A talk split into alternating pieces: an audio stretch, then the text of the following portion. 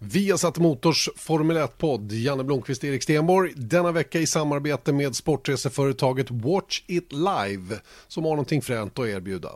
Ja, och det är en så lyxig grej som en F1-resa till Barcelona och Spaniens Grand Prix den 10 till 13 maj. Och det här är då specialiteten hos Watch It Live, att de är det är en nivå upp helt enkelt från många andra sådana här researrangörer, för det finns en uppsjö av dem. Proffsiga reseledare, lite extra lyxigt boende, speciella upplevelser. Eh, exempelvis just på den här resan så kommer det bli ett exklusivt möte då med vår egna Björn Wirdheim. Det kan eventuellt dyka upp någon annan F1-profil också på just den här resan. Du pratar om dig själv där eller? Kanske, eller om Erik Stenborg dyker upp. Du är ju glammigare ändå på något sätt. Ja, men ja, jag, jag, kan hålla med om den saken. Eller hur? Nej, Eller men hur? eh, du råkar ju vara på plats i alla fall, det vet vi. Just det, och jag råkar ju också jobba med Björn, så det kanske är så att vi gör sällskap i bilen eller någonting. Och så råkar jag glida med där, det är mycket möjligt. Mm, det är mycket, mycket, mycket möjligt. Men det vi, vi kan erbjuda är en rabatt på 1000 kronor till F1-poddens lyssnare. Det man gör är att man klickar på länken som vi kommer lägga upp på vår Facebook-sida, eh, facebook.com F1-podden. Man kan också gå in på watchitlive.eu och klicka sig fram och hitta resan där. Men man kan ju följa vår länk.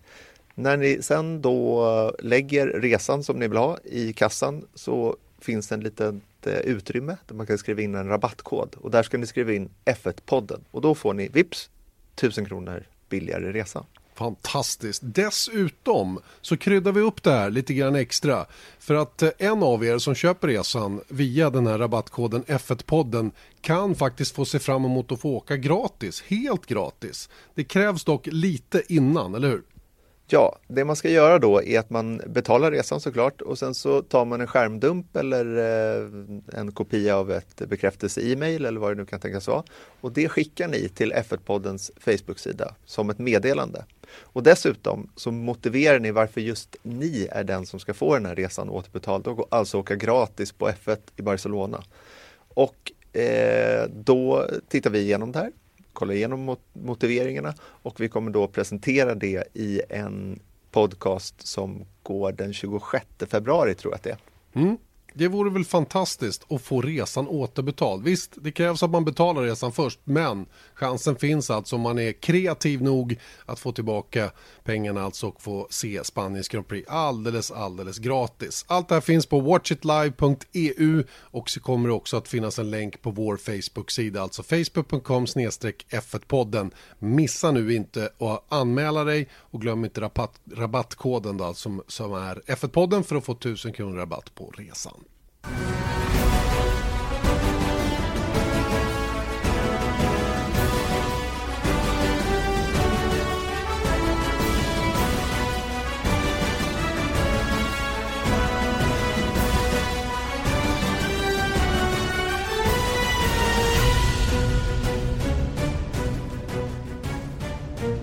Ja, F1-podden alltså med Janne Blomqvist, Erik Stenborg, laddade till tänderna precis som vanligt och Ehm, det börjar liksom att dra ihop sig mer och mer. Vi är eh, inte riktigt inne i februari ännu som är starten, startmånaden för Formel 1-säsongen 2019. Eh, vi kan erbjuda ett väldigt, väldigt bra avsnitt idag, Erik.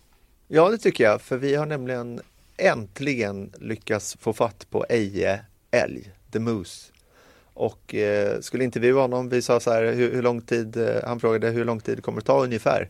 Inte på otrevligt på något sätt, men vi bara, ja, men det är max en timme. Vi satt ju två. Två timmar? Eh, ja men du vet, när alla fick lite feeling, framförallt Eje tror jag, jag tror han tyckte det var rätt kul. Ja. Så att vi gör en tvådelad avsnitt. Så lite Eje den här veckan och lite Eje nästa vecka. Du, jag skulle säga mycket i den här veckan och ännu mer i nästa vecka. Okej, okay, men mycket av väldigt intressant älg ja. den här veckan och nästa vecka. När man är pensionär som han är, vilket han påtalar i intervjun, så finns det ju mycket att prata om. Det har nämligen gått några år sedan han började. Karriären har varit lång och eh, framförallt innehållsrik. Det tycker jag är rätt talande för hela den här intervjun. Och jag känner ju Eje så pass väl, så visst har jag hört några av de här storyna tidigare, men det är alltid lika intressant att höra honom berätta om det här. Intervjun med Eje, den del 1 alltså, den kommer om en liten, liten stund. Men innan vi går in på det, Erik, eh, en annan nyhet då som är tämligen intressant för Formel 1-världen Eh, nämligen det här med Mick Schumacher och att nu har, eh, har eh, blivit antagen, ska vi säga det, eller har han valt att gå till? Jag vet inte riktigt hur man ska se på det, men han hamnar i alla fall i Ferrari Driver Academy. Och mm. det känns som att konerna på motorvägen togs bort nu för att ta sig till målet som är Formel 1 på. Ja, det är nedförsbacke om man säger så. minst sagt, ja. minst sagt. Ehm, kommer köra F2 kommande säsong med Prema. Prema som mm. har varit ett toppteam i det här mästerskapet sen de kom in bara för, vad blir det, 2016 var väl debutsäsongen för deras del då när det hette GP2 sista året och Pierre Gasly, Antonio Giovinazzi vann dubbelt för Prema. Så att eh, mm. de är riktigt på hugget här och, och eh, Prema körde ju även Charles Leclerc och eh, nu när Mick Schumacher även kommer att antas av eller jobba tillsammans med All Sports Management, det vill säga med Nicolas Tott, så känns det som att vägen är ännu bredare in i Formel 1. Alltså det här är ju det här gör ju nästan att man kan se in i framtiden. Ja. Vi fick en, en kristallkula som inte är, för det är så tydligt på något sätt.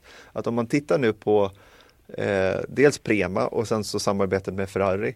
Där var ju Jean Tott och eh, eh, hans pappa Michael Schumacher och jobbade nära ihop. Och sen så har vi då eh, Nicolas Tott, Jean Totts son då såklart, med den här eh, managementbyrån som andra aktuella förare har gått exakt samma väg. Jag menar, titta på Charles Leclerc, han var också antagen för Junior Driver Academy. Körde för Prema. Hade starka kopplingar till ART, vilket var då eh, Nicolas Tott och Fred Vasseurs eh, GP2-team, F2-team. Och sen så hamnar de i Sauber och nu i Ferrari. Ja, det finns det ju åtminstone en väldigt, väldigt tydlig plan för Mick Schumacher nu tveklöst är det på det viset. Va? Och det som är spännande också att han, han eh, åtminstone på slutet här har visat sig vara riktigt, riktigt snabb också. Att det finns, det finns liksom någonting i, i talangmässigt också att luta sig mot i det avseendet. Va? Det började lite trögt i F3 där va? Men, men eh, när han väl kom loss där oavsett anledning någon kanske hjälpte honom med någonting va? men då började han ju vinna på riktigt allvar och vi såg honom i helgen under Race of Champions också att han kan ratta en bil även om det absolut inte är någon måttstock på något sätt. Var ju trots allt en rallyförare som vann hela klubbet i den individuella tävlingen och de är ju skarpa att köra bil de också, minst sagt. Men eh, det blir ju intressant här Erik med en, med en Mick Schumacher som då, ja om vi, om vi följer den väg som Charles Leclerc tog, eh, troligen då hamnar i, i Sauber. Eh, mm. Det, är inte ro, det kommer inte bli roligt att köra tillsammans med Mick Schumacher sett till vad ambitionen är ifrån dels hans sida men också från management sida och hur det har sett ut nu när Charles Leclerc matades in i Formel 1 och eh, hade vägen utstakad in i, form, in i Ferrari. Mm, en otrolig support. Sen så, jag, jag, tycker hela den här grejen är ganska intressant om man tittar på det i år också. Nu har vi Antonio Giovinazzi och Kimi Räikkönen där. Jag menar Giovinazzi, han är också Ferrari junior, men det känns ju inte, och det här är bara magkänsla, men det känns ju inte som att han är lika emotsedd som Charles Leclerc. Det kan man väl konstatera. Och sen så har man Kimi Räikkönen och sånt där. Så jag menar, där kommer det nog finnas, det är inte lika tydligt, men går det bra 2019 för Mick Schumacher i Prema, vinner han, kommer en tvåa, så att det inte finns någon anledning för honom att, att köra ett år till. Vinner, han, han, bara... vinner han får han inte vara kvar i F2. Nej, det är sant. Eh, men jag tror att ambitionen är inte att ha honom i F2 såklart, så att det är att ta honom till Formel 1 så fort mm. som det bara går.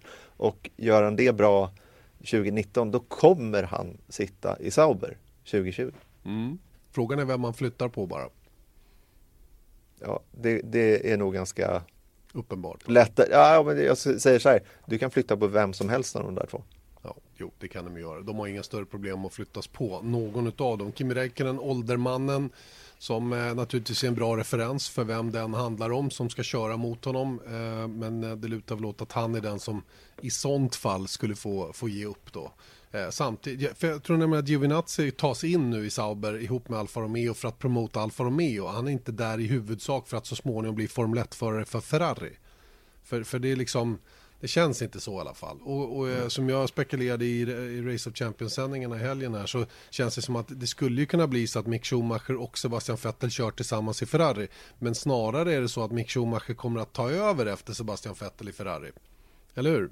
Ja, och tänkte tidslinjen stämmer kanske. Bättre ihop med det ja. Och tänkte ja. Mick Schumacher och Charles Leclerc tillsammans i Ferrari, vilket par det skulle kunna bli för framtiden. Så att mm. jag menar, och, och, här måste jag säga att, att Ferrari jobbar mycket, mycket, mycket effektivt nu när de har fått snurr på sin juniorsatsning. Jag tror att det här All Sport Management och Nicolas Tott har väldigt stor eh, anledning i att det nu blir en tydlig, eh, att de börjar få lite ordning på saker och ting. Titta på hur Merca strular med sitt juniorprogram som jag tror är en liten, det har jag sagt förr, va? en liten Jean Tott, eller förlåt, eh, Toto Wolf, eh, liten egen stuga vid Låda, sidan av. Liksom. Ja. Precis, det är ingenting som, eh, som styrelserummet på Mercedes har med att göra på det sättet. De äskar, jag tror att Wolf äskar lite pengar för det och sen så sköter han det vid sidan och det har inte skötts speciellt bra.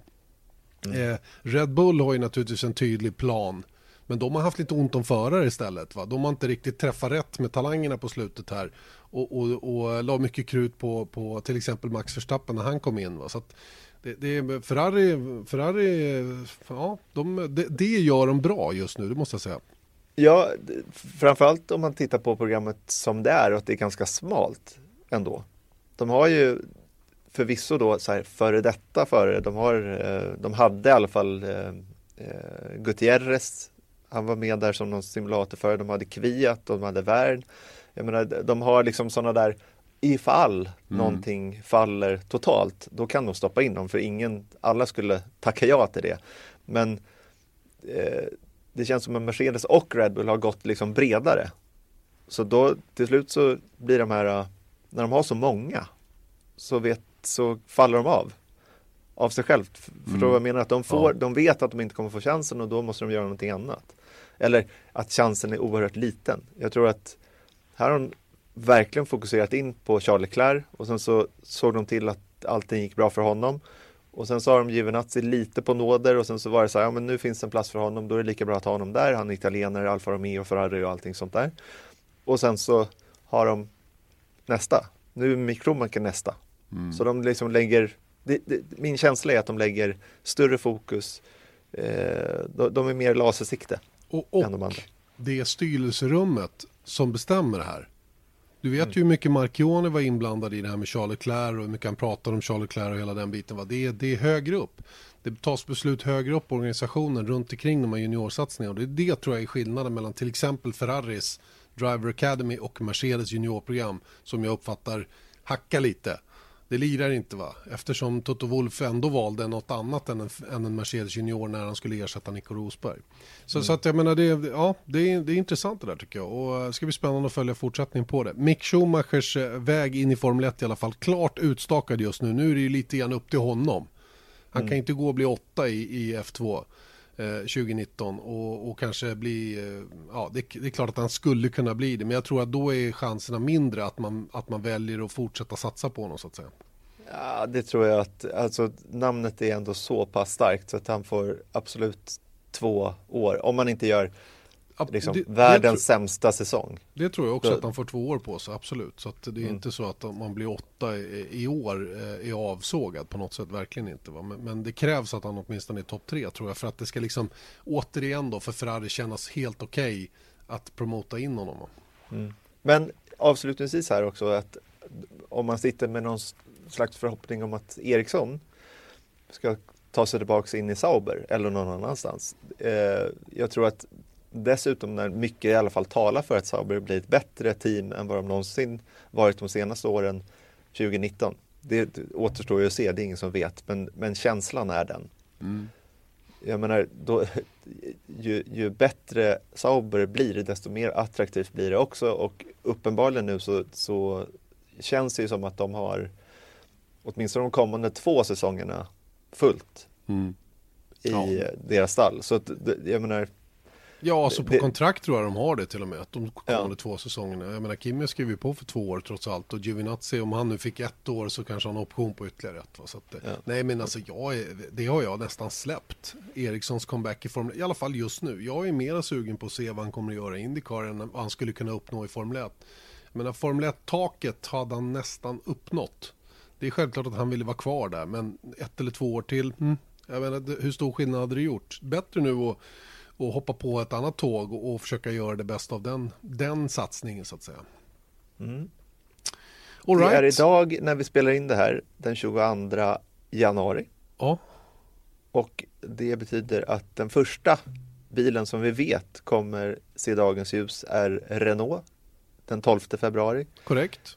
Racing Point eller vad de nu kommer heta följer dagen efter 13 februari. Dagen Mm. efter det McLaren, dagen efter det Ferrari.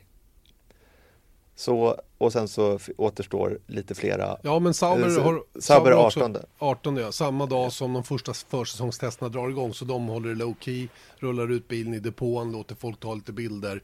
Det, gamla, det, det numera klassiska sättet att göra det för de som inte är av de allra största teamen. Racing Point är ju undantag, de gjorde ju så förra året till exempel va? Men, men i år så håller de någon större grej i Kanada då med, med anledning av det nya ägarskapet och, och vad de hör hemma. Mm.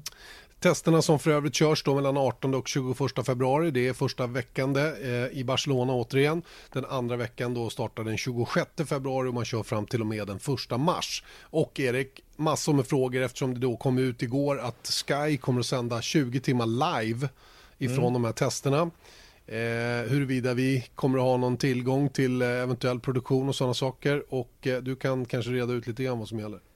Eh, ja, alltså jag kan inte säga till hundraprocentigt att, att, eh, att eh, men jag är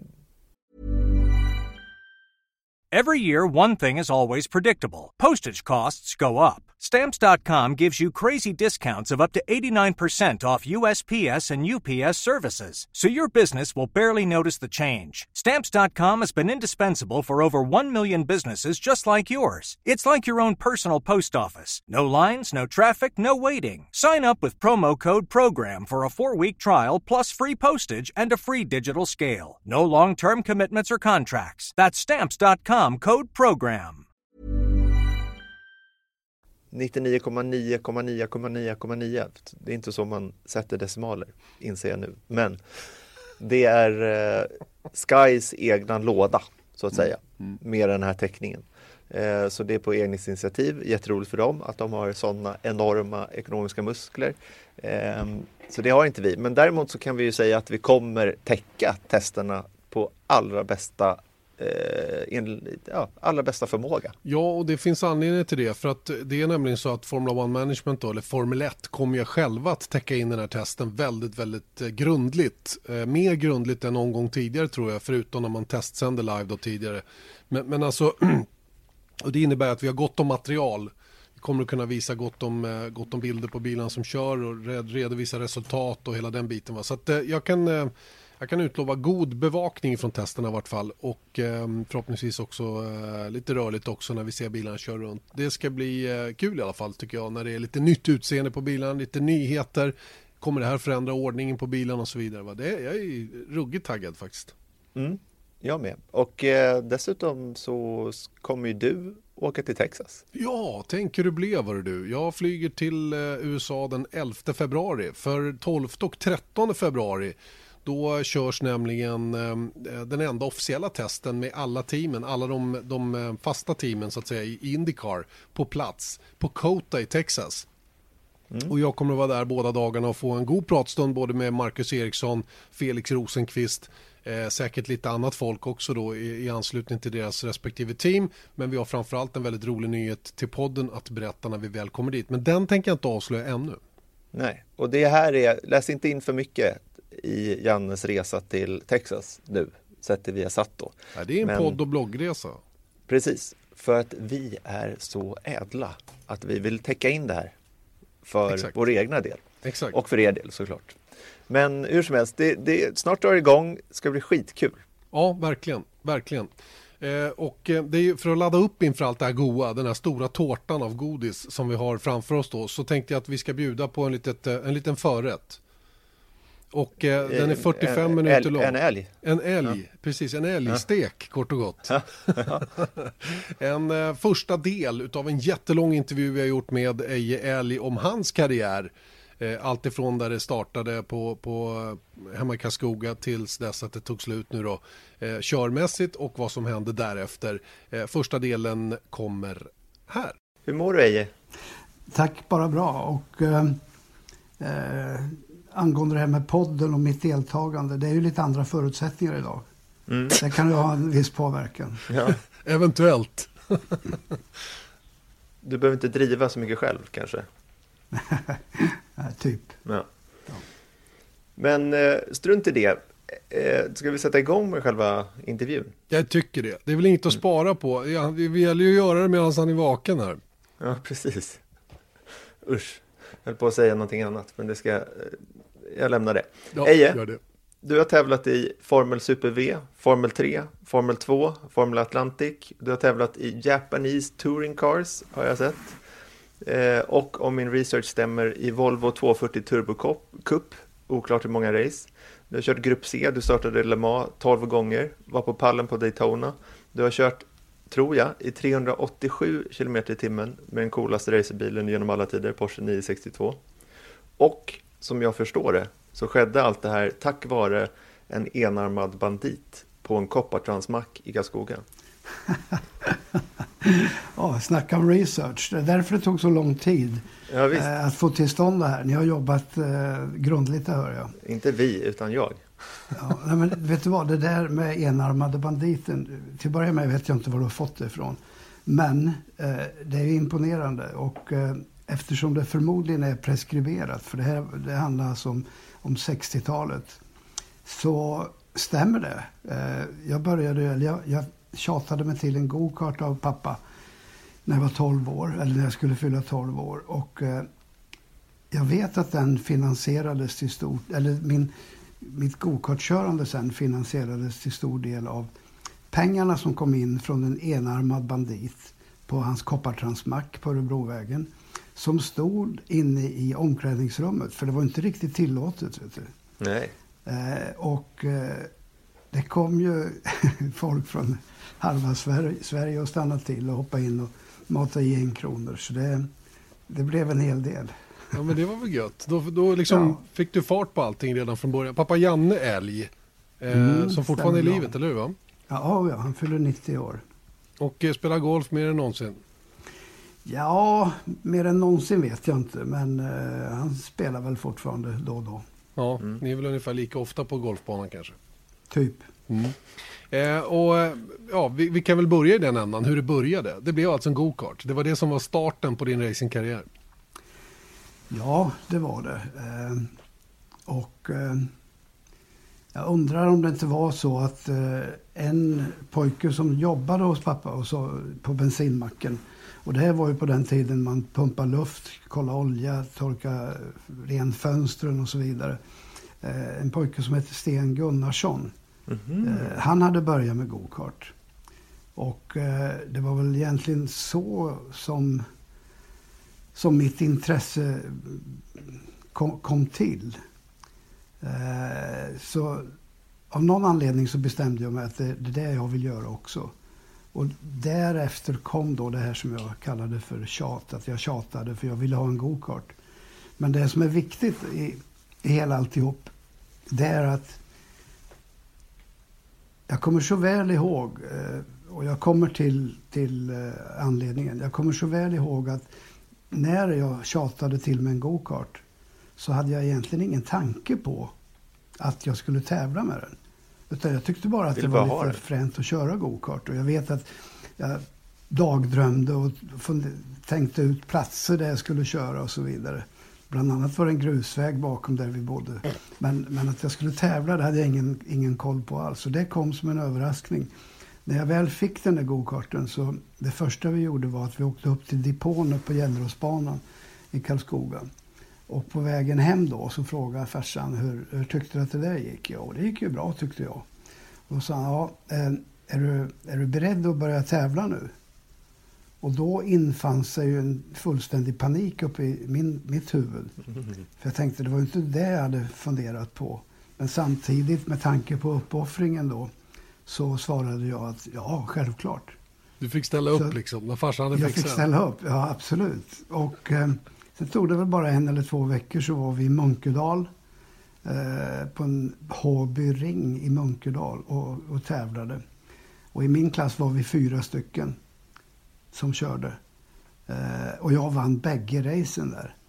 Eh, till saken hör att eh, det var en annan storstjärna som vann en eller två andra stora klasser. Och han hette Ronny Pettersson. Mm. Och han, han blev ju omedelbart eh, i, i mitt fokus så att säga. För allt som han representerade just då. Eh, Så då var det klart. Då var det den vägen jag skulle Du, gå. vilket år pratar vi här? Du är född 19 53, 63, Nitt- 64, 65? 1965. 65, ja. Mm. 12 år gammal. Och vinnare i en fyrklass. Munkedal. Ja, Munkedal. Ja, och eh, det var jag och två klubbkompisar från Karlskoga, Lennart Olsson och Leif Nilsson och Dick Svensson ifrån Åmål. Och Dick Svensson hade en, en, till skillnad från oss då som körde med 50 kubikare, så Dick körde en DKV. en fyrväxlad DKV. Det är väl en bil va? En Audi alltså. ja, men DKV var en moppe på, på den tiden. Så han var coolast i gänget. Ja, han kunde i alla fall växla. Det var ingen annan som behövde. Ja, fränt. Det är coolt. Men det här är lite kul ändå, för då är det, Ronnie Pettersson har ju varit så här väldigt, och det är ju mer man har pratat med dig genom åren som har ju förstått att Ronnie Pettersson var alltid i närheten någonstans. Och jag tror att det fanns, eh, jag har sett några bilder på, ja, dels har jag sett en, en uppsats som du skrev kanske i femman eller någonting sånt där i, i skolan, där du skriver om varför du vill tävla. Och det är ju egentligen... Erik, Erik Ja. har du inget jobb? Nej, det här är mitt jobb. Jag sitter och jobbar, ja, men jag sitter och jobbar nu. Okej. Ja. Det, det är det här som är det fina i Vi har Ja, tid. På, påläst, ja. Mm. Nej, men det, vi såg ju, eller jag har sett den där uppsatsen och då, den handlar egentligen om Ronnie Pettersson där. Om den vägen han har tagit och eh, vilken känsla liksom det skulle vara att gå i, i Ronnie Petterssons fotspår. Och sen så blev ni ju eh, goda vänner och det var väl egentligen redan på gokart-tiden va? Det var det, men han får inte glömma bort att han var ju åtta år äldre än mig. Eh, vilket betydde att eh, eh, ett år var ju mycket i, när man var i den åldern. Och åtta år, då, det var ju en annan generation. Så att eh, jag vill inte påstå att vi, vi var vänner, utan det var väl snarare så att jag såg upp till honom. Men redan i ett tidigt skede så blev ju han varse Eh, vem jag var, naturligtvis. Eh, och eh, Sten Gunnarsson som jag nämnde inledningsvis där var ju god vän med Ronny, samma generation. Och eh, sedermera så var det ju så att eh, eh, när Ronny sen tog klivet över och började med att köra stora racerbilar. Då varje gång han var och tränade på Gällrosbanan så var han inne om macken. Eh, Då hade jag blivit så stor så då hjälpte jag till att jobba lite där. För det var nämligen där han hämtade nyckeln för att komma in på banan och, och, och träna. Så att eh, vi sågs ju ganska mycket. Alltså, och, eh, eh, ja, han, han visste ju mycket väl vem, vem jag var, självklart. Så var du bra Sten- i gokart då? Ja, det var jag väl. Men jag vet inte riktigt hur... Jag vet inte hur eh, angelägen jag var om att, eh, att bli bra. Eh, jag hade på något konstigt sätt redan eh, i ett tidigt skede så hade jag, hade jag planer på att eh, i, i stort sett komma ur gokart så snabbt som möjligt. Det var inte där jag hade velat, det var inte där jag ville göra en karriär utan jag ville hellre göra en karriär i, eh, i stora bilar redan då. Så att jag menar, jag var ju med i Sverigetoppen och jag vann junior-SM och jag var med och vann något nordiskt mästerskap i Finland och, och så vidare. Va? Eh, men sen när jag blev lite äldre, när jag kom upp typ 16-17 år där, då, då kändes det nog som att eh, eh, då hade jag börjat planera redan för hur jag skulle kunna gå vidare. Och ett exempel på det är väl att jag, jag sökte värvning när jag var 17. Så jag gjorde, eller jag, jag tror jag ryckte in när jag var 17. Eh, och enda anledningen till att jag gjorde det var egentligen att jag ville inte att lumpen skulle störa mina planer för min racingkarriär senare. Va? Eh, Men sen hörde ju till saken att eh, på den tiden så det fanns ju inga direkta förutsättningar för att jag skulle lyckas. För jag hade ju, jag hade ju inte fem öre på banken eller sparat eller något sånt där. Så Hur det skulle gå till, det var ju en annan fråga. Men eh, ambitionen fanns ju där. Mm. Och jag tror att steget upp i bilar hade någonting att göra med Gunnar Nilsson. Också en före detta svensk F1-förare. Mm. Och hans gamla super, Formel Super V. Stämmer det? Ja.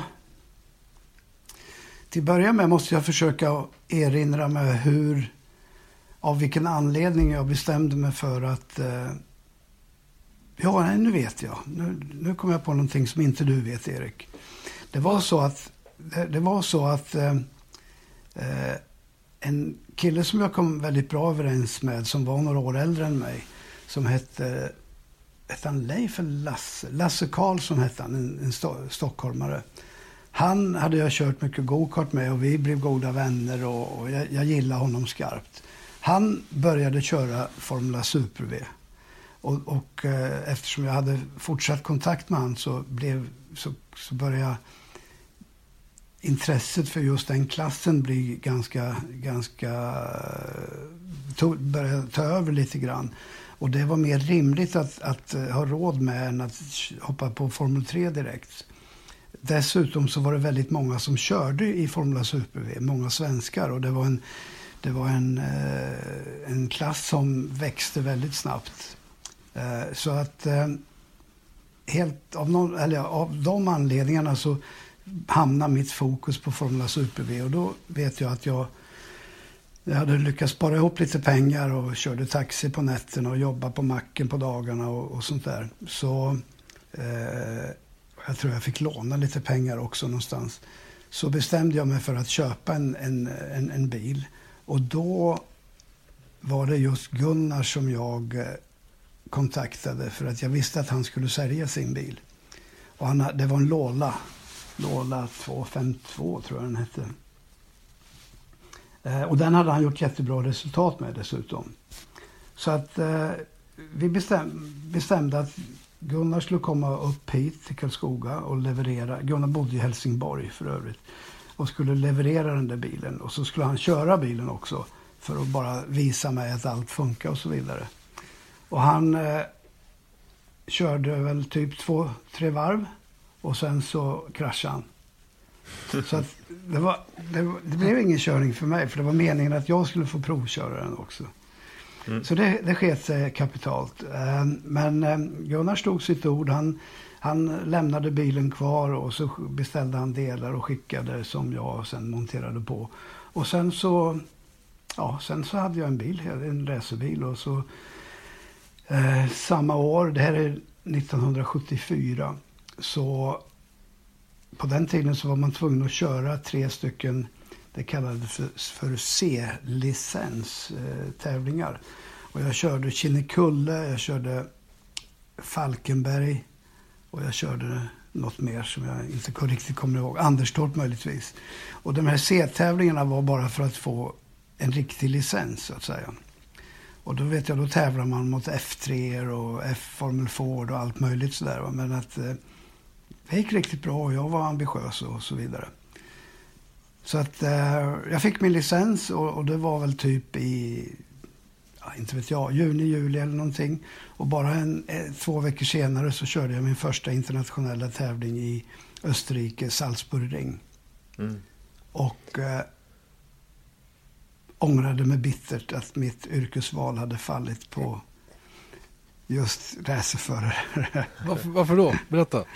Ja, men det var helt galet. Alltså, det var, eh, Salzburg var... Tänk dig själv att komma från Kinnekulle med, med en medelhastighet på typ eh, 73 mm. eller något sånt där. Och sen Salzburg ring låg i en, en dalgång mellan två höga berg. Och det var bara en lång raksträcka nerför i en och en halv kilometer och så vände det. Och så var det en raksträcka lika lång uppåt och så vände det. Så det var bara i stort sett... Eh, Fram och tillbaka? Nästan, ja, och det gick fort mm. så förbaskat alltså. Men det, det roliga var att, att jag kom dit. Jag, eller hur jag kom dit. Det var så att den här Sten Gunnarsson som jag nämnde tidigare. Han hade tävlat i ett Formel 2-stall som Pico Troberg drog igång. Som hette Pierre Robert Formula 2-team. De hade köpt två GRD-bilar den ene körde Reine Wiesel och den andra körde Sten. Och till det andra året, alltså 1974 då, så hade Sten hoppat av som förare men var teammanager. Och då, var det, och då hade de bara en bil och det var Torsten Palm, en, eller, ja, en bil tror jag. Och det var Torsten Palm som körde. Och då vet jag att jag tror det var Sten som övertalade mig att jag skulle anmäla mig till den här tävlingen i Österrike. Och eh, han erbjöd sig att transportera ner bilen till Österrike åt mig. Så det enda jag behövde göra var att sätta mig i bilen och, och köra ner själv. Vilket jag gjorde. Och eh, ja, så var det. Så var det. Du, det gick inte så bra. Om, om jag minns det rätt ifrån, eh, ifrån din Super V-karriär så har du ju en speciellt, ett speciellt race på Nürburgring va? Var det inte då när, när eh, du kanske inte satt fast som du skulle? Var inte det Super V? På Nürburgring? Mm. Nej, det, det var Formel 2. Det. det var Formel 2, okej. Okay. Då kommer ja. vi till det senare. Då kommer mm. vi till det senare. Mm. Men visst var det så att du alltid egentligen körde internationellt? Du lade aldrig Alltid. Speciellt, ja. Ja, det enda jag körde, körde eh, var de här C-licenstävlingarna mm. innan för att få licens. Va? Annars så tävlade jag aldrig i Sverige. Ja, sen blev det några inhopp. Någon sån här, ja, typ. Volvo Turbo Cup. Ja, inte vet jag vad man ska kalla det. Volvo Turbo Cup. ja, men du, ja, du, han, han står registrerad som en, ett race i Volvo 240 Turbo Cup. Nej, jag körde fler, kära du. Ja, okej. Okay. Ja, men inte så många, men jag, jag, jag, vann ett race. Ja, men det kanske är det då. Ja. ja, ja. Men sen, kör, sen, sen, körde jag ju... Sen körde jag ju... Eh, jag körde någon serie där isbana-SM ingick i, i det. det. där också. Så jag körde isbana med långdubb, också med Volvo. Mm. Det hade du glömt. Det hade du missat, Erik. Det hade jag missat. Det hade jag missat. Men sen så... Eh, från Super V så tog du till slut eh, klivet upp i Formel 3. Och var det raka vägen då med fabrikskontrakt med Chevron? Eller var det någonting emellan? Ja, det hände ju. Jag körde två år i Formula Super V. Varav det sista året var ganska bra. Då var jag med i toppen där. Eh, och eh, sedan så var det en, en svensk eh, Formel 3-satsning som på pappret var riktigt stor. Och det var Rotell Racing Team, det var Conny Ljungfelt, det var Slim Borgud och det var jag. Och det var alltså en, eh, ett projekt som initierades av en norrman som hette Tore Helle ifrån Trosa av alla ställen. och eh, han byggde då byggde en bil som hette Viking, Viking Formula 3. Och eh, det var ju en oerhört stor satsning för att vara på den tiden. Eh, problemet var väl bara att satsningen var väl kanske eh, lite väl stor i förhållande till de resurser som fanns. Så det blev inte så mycket kört. Då. Jag körde väl jag körde på Nürburgring, vet jag. Jag körde på Knutstorp i någon EM-tävling där och jag körde ja, några mer ställen. Men projektet eh, rann ut i sanden därför att ekonomin eh, tillät, inte, tillät inte fortsättning. Mm. Men om man tar då, för det var ju en, en, ett stort steg i minsta fall och ja. det tror jag var 1978. Nej, tidigare kanske. Nej. Ja, det, här, det här som jag pratade om, Tore Helle-projektet, det var 1976. Mm. Men det blev inte så mycket tävlingar körda där. Sen året därpå eh, så körde jag F3 i England på fullt ut så att säga. Men grejen är det att jag, jag när det här Tore Helle-projektet eh, gick upp i rök så hade inte jag någonting att köra. Så då hyrde jag min gamla Super V-bil och körde ett par race i England bland annat. Eh, Belgien och England. Och i England så kördes det Formel 3 samtidigt. Och då hade Torsten Palm inhandlat en, en ny Ralt Formel 3-bil och skulle göra comeback, i, göra comeback helt enkelt. Och det funkade inte så bra för honom.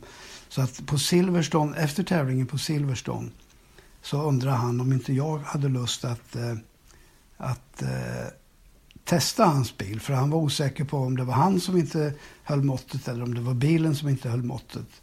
Och eh, resultatet av, av den testen var att eh, bilen höll måttet. Och du också? Det eh, kanske... Det var, det var i alla fall inget fel på bilen. Nej, det var just det. Jag har inget fel på bilen. Så säger vi. Ja. Vilket resulterade i att Torsten då som hade sponsorer till sitt där nystartsprojektet bad mig köra de två avslutande racen för, i hans bil. Eh, för att kanske uppnå något resultat. Och du, är det, här, är det här efter att Torsten Palm har gjort sitt försök i Formel 1? Visst är det det va? För, Ja, det, var det är 75, efter. för det var 75 va? Ja, det här är 1976. Mm. Är det fortfarande Polarvagnen som finns med och betalar? Polarvagnen var med och betalade, ja. Det stämmer bra. Mm. Eh, så att eh, jag körde Truxton och Brent Satch. Eh, kommer inte riktigt ihåg. Jag vet att jag kraschade på Brent Satch därför att det var första gången jag träffade Tiff Nidell som sen blev en god vän med mig. För han hade kraschat ett par varv i samma kurva. Så att vi blev stående, stående hängande över armkorräcket där och diskuterade livets eh, orättvisor. Eh, så så var det med det. Men i alla fall i det skedet då så hade, hade eller så insåg väl Torsten att han, hans karriär var slut.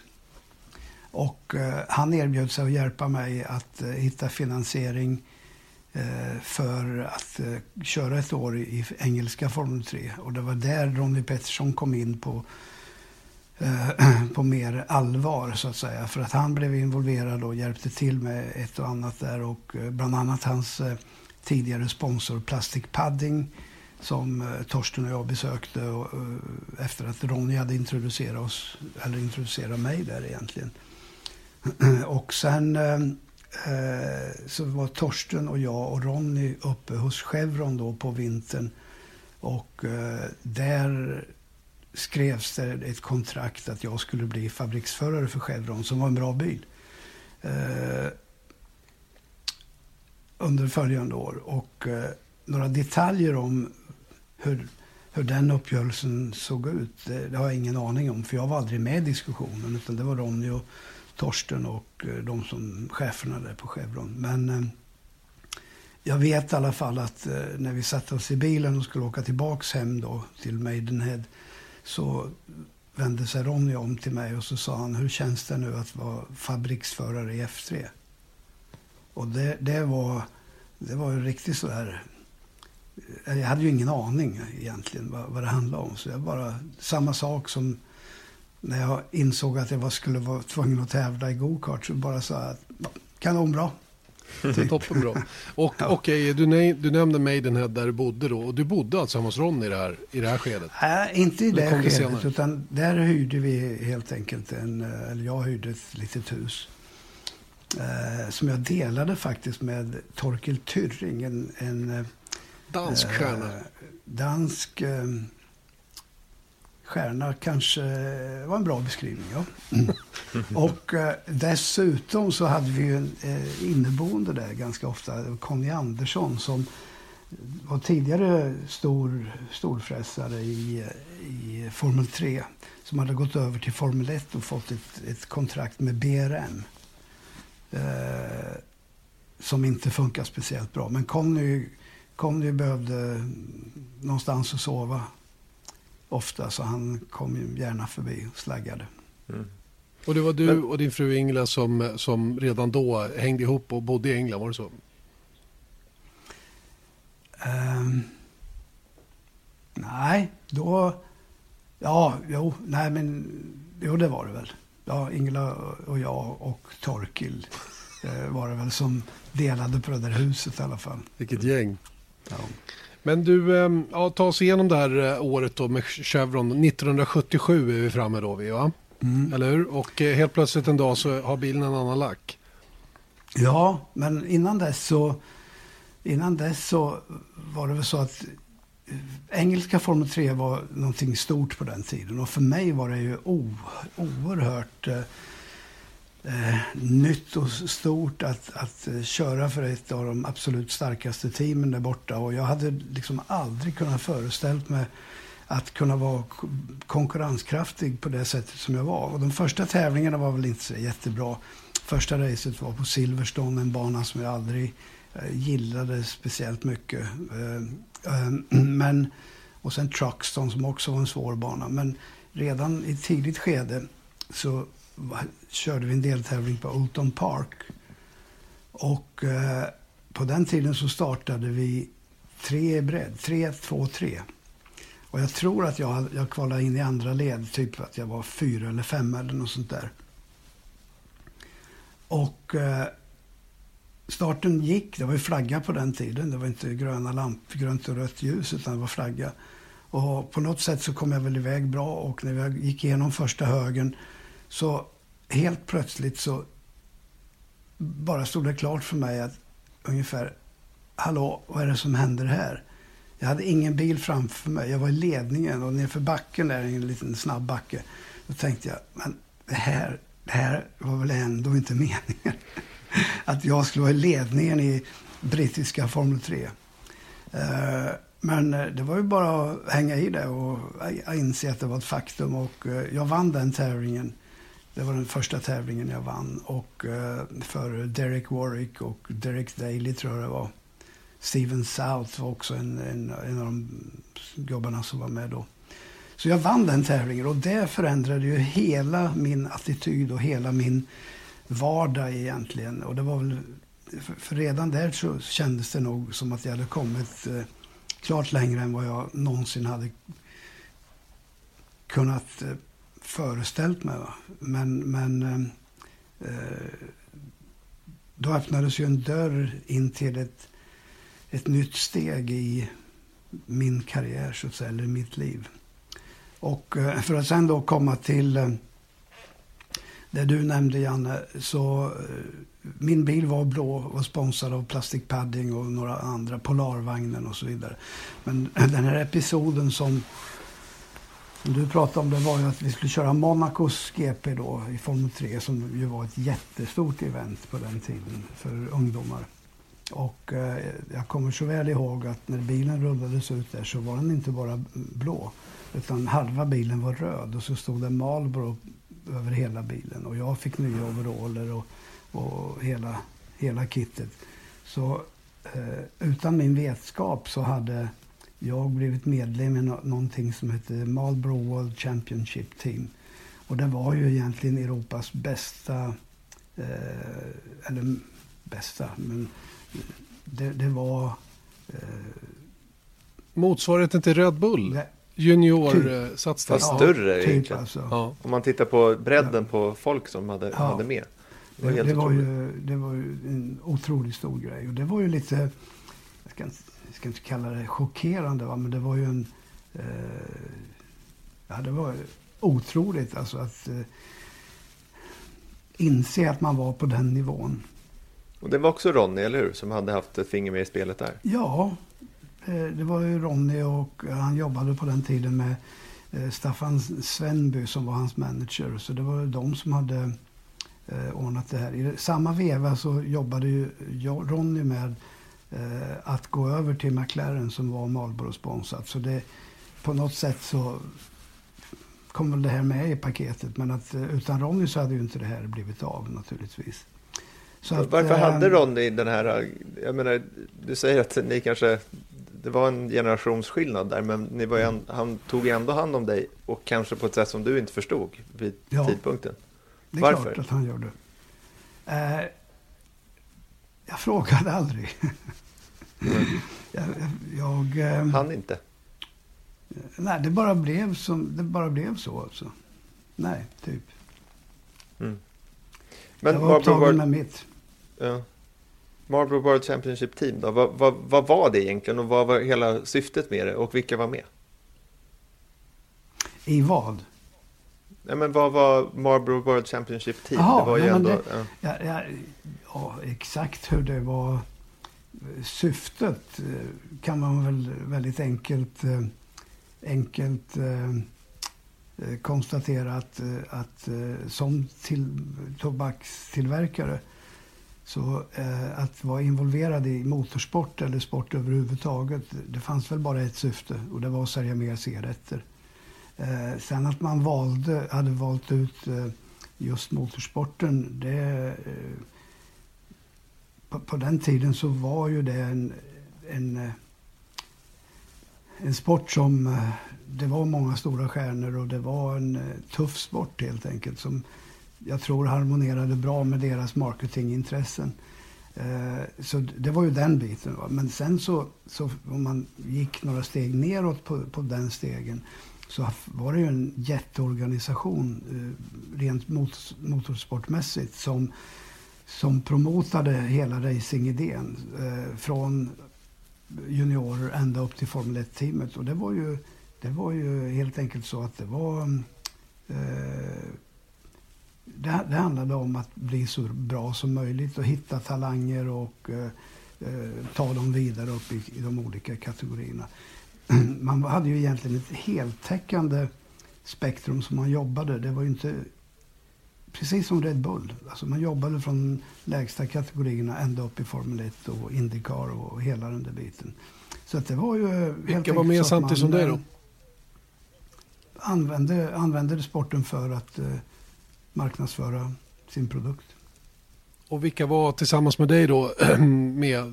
Vi, vi gör ju lite namedropping här för det var rätt goa namn. Ja, hörru du, det var ju alltså... Det var ju gräddan av, av eh, racingeliten på alla nivåer. Eh, Giacomo Agostini, motorcykelvärldsmästaren, den legendariska. Niki Lauda, Carlos Reutemann, Patrick Tambay, eh, Barry Sheen, också motorcykelförare.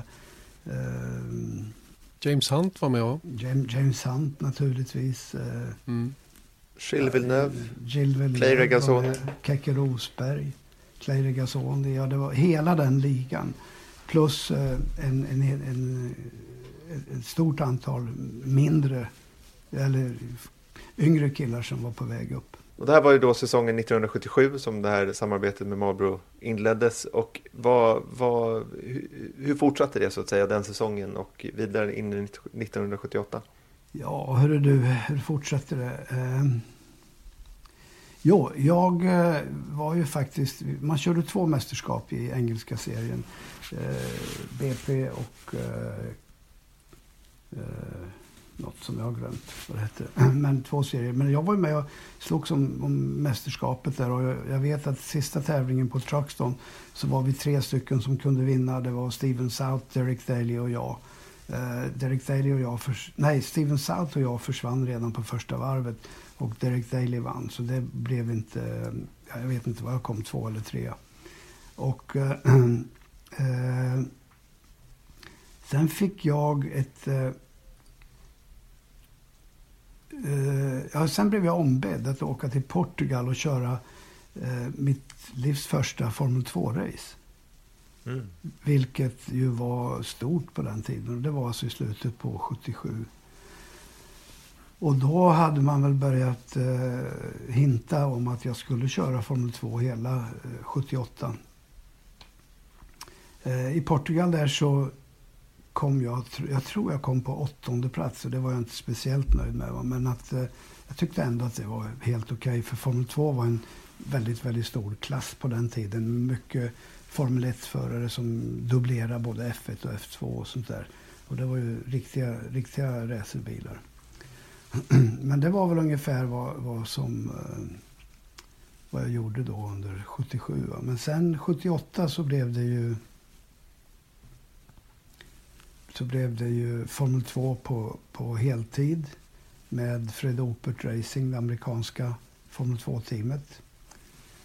Och eh, dessutom så körde, och det var jag och Keke, Keke Rosberg som, som inledde i alla fall.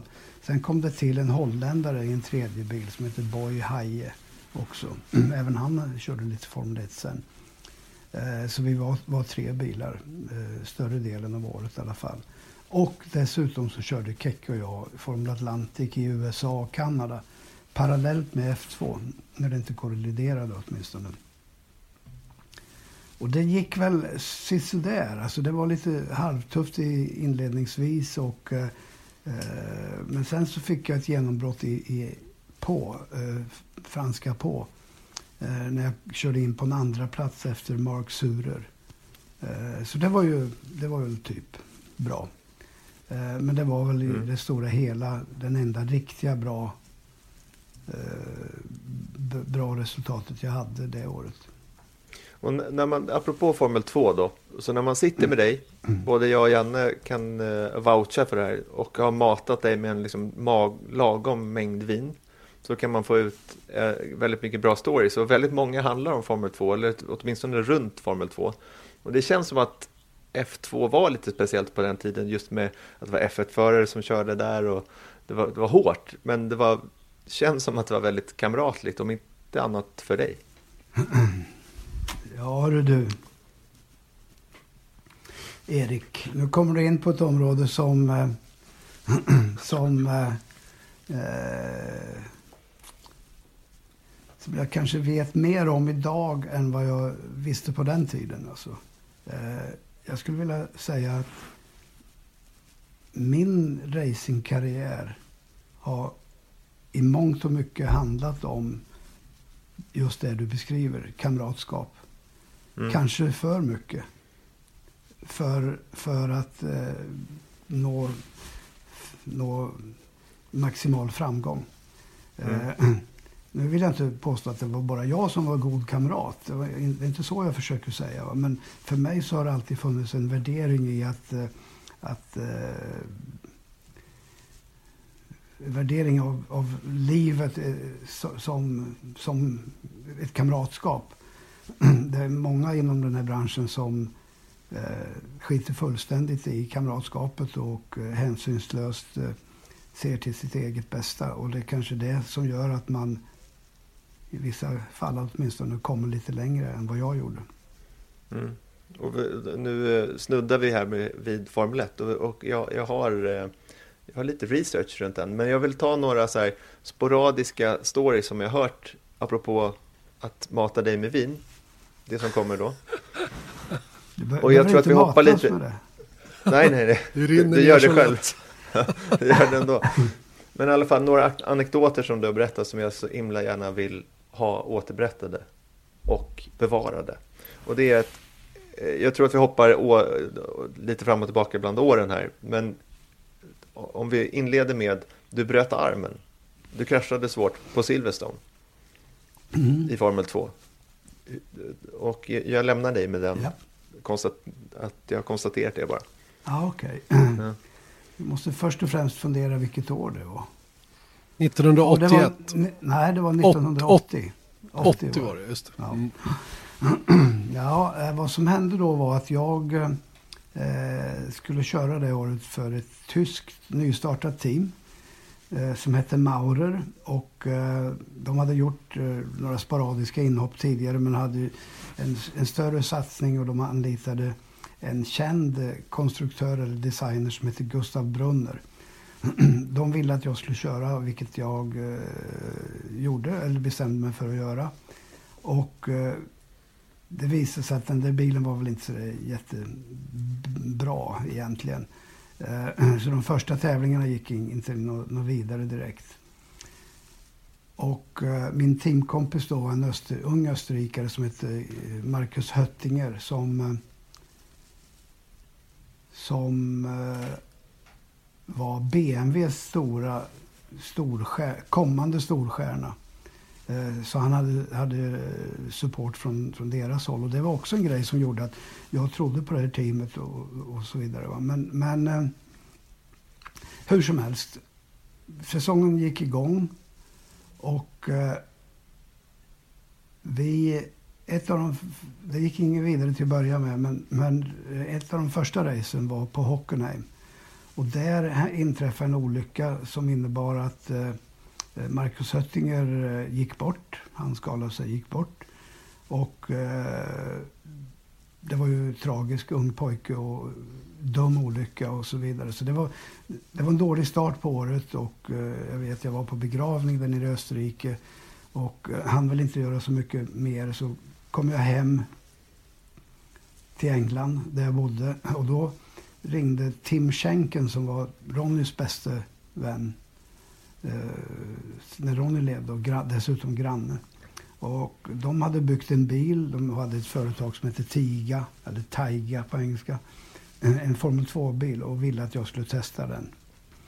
Och jag sa Tim, det är otänkbart därför att jag kan inte göra det enligt avtal eh, som jag har med Maurer. Men eh, Tim övertalade mig. Han menar på att ja, men vi parkerar längst ner i depån och du får låna min hjälm och hela det där. Så det, det är helt lugnt. Ingen kommer att märka att du kör. Så vi testade en hel dag och eh, eh, den där bilen var heller inte speciellt bra. Eh, och jag, det enda minne som jag hade där var att eh, eh av den dagen var egentligen att jag vet att vi satte på nya däck eh, typ kvart i fem innan det var slut. Och sen så vaknade jag inte upp förrän typ 24 timmar senare i, på sjukhus i England, eh, i Northampton då, med ganska omfattande skador. Så, och då, när jag vaknade upp så satt Stefan Lillövers bredvid mig där och det var ju, ja, om det kanske är det du syftar på Erik, jag vet inte, men det var ju ett, eh, det var på den tiden så funkar det så. Man, var, mm. man, man, kunde vara kompisar också. Men och, du, är, äh, ja. blev det, lite, det blev lite karriäravgörande. Den här kraschen blev ju väldigt svår för dig och, och hela den där säsongen gick om intet mer eller mindre. Mm. Eh, det blev den och eh, jag vet att eh, eh jag vet att eh, eh, fram på höstkanten och då hade jag opererat armen, överarmen ett par, tre gånger, par gånger i alla fall. Och jag vet att och jag hade fortfarande väldigt, väldigt ont. Och hade ingen vidare funktion i, i, vänster arm. Men jag vet att innan, innan säsongen var slut så eh, sa chefen då för Maurer att eh, jag skulle kunna eller de skulle fundera på att ha mig kvar även 1981 förutsatt att jag bevisade att jag hade det kvar i mig så att säga eh, körningen eller att jag, att jag skulle klara av det rent fysiskt och det betydde att jag gick med på att köra Hockenheim och Monza. Eh, och det funkar väldigt, väldigt dåligt. Alltså, för att jag hade ingen som helst kraft kvar i vänsterarmen. För då, det här hände i april, den här skadan, och det här var typ i september. Och jag hade inga muskler och jag hade väldigt, väldigt ont. Alltså, så jag, jag, eh, men jag fick eh, tvinga mig igenom de där tävlingarna. Jag hade tur och behövde inte genomföra hela för att eh, den bröt eller eh, motorn pajade och, och sådana där saker. Alltså, men eh, jag vet i alla fall att jag fick eh, förnyat förtroende. Och eh, när jag hade kört de där tävlingarna så åkte jag ner till en specialist i Malmö, eh, på Malmö sjukhus. Och de röntgade igen och, och kollade och då visade det sig att armen var fortfarande av. Överarmen var av. Så jag tvingades till en ny operation.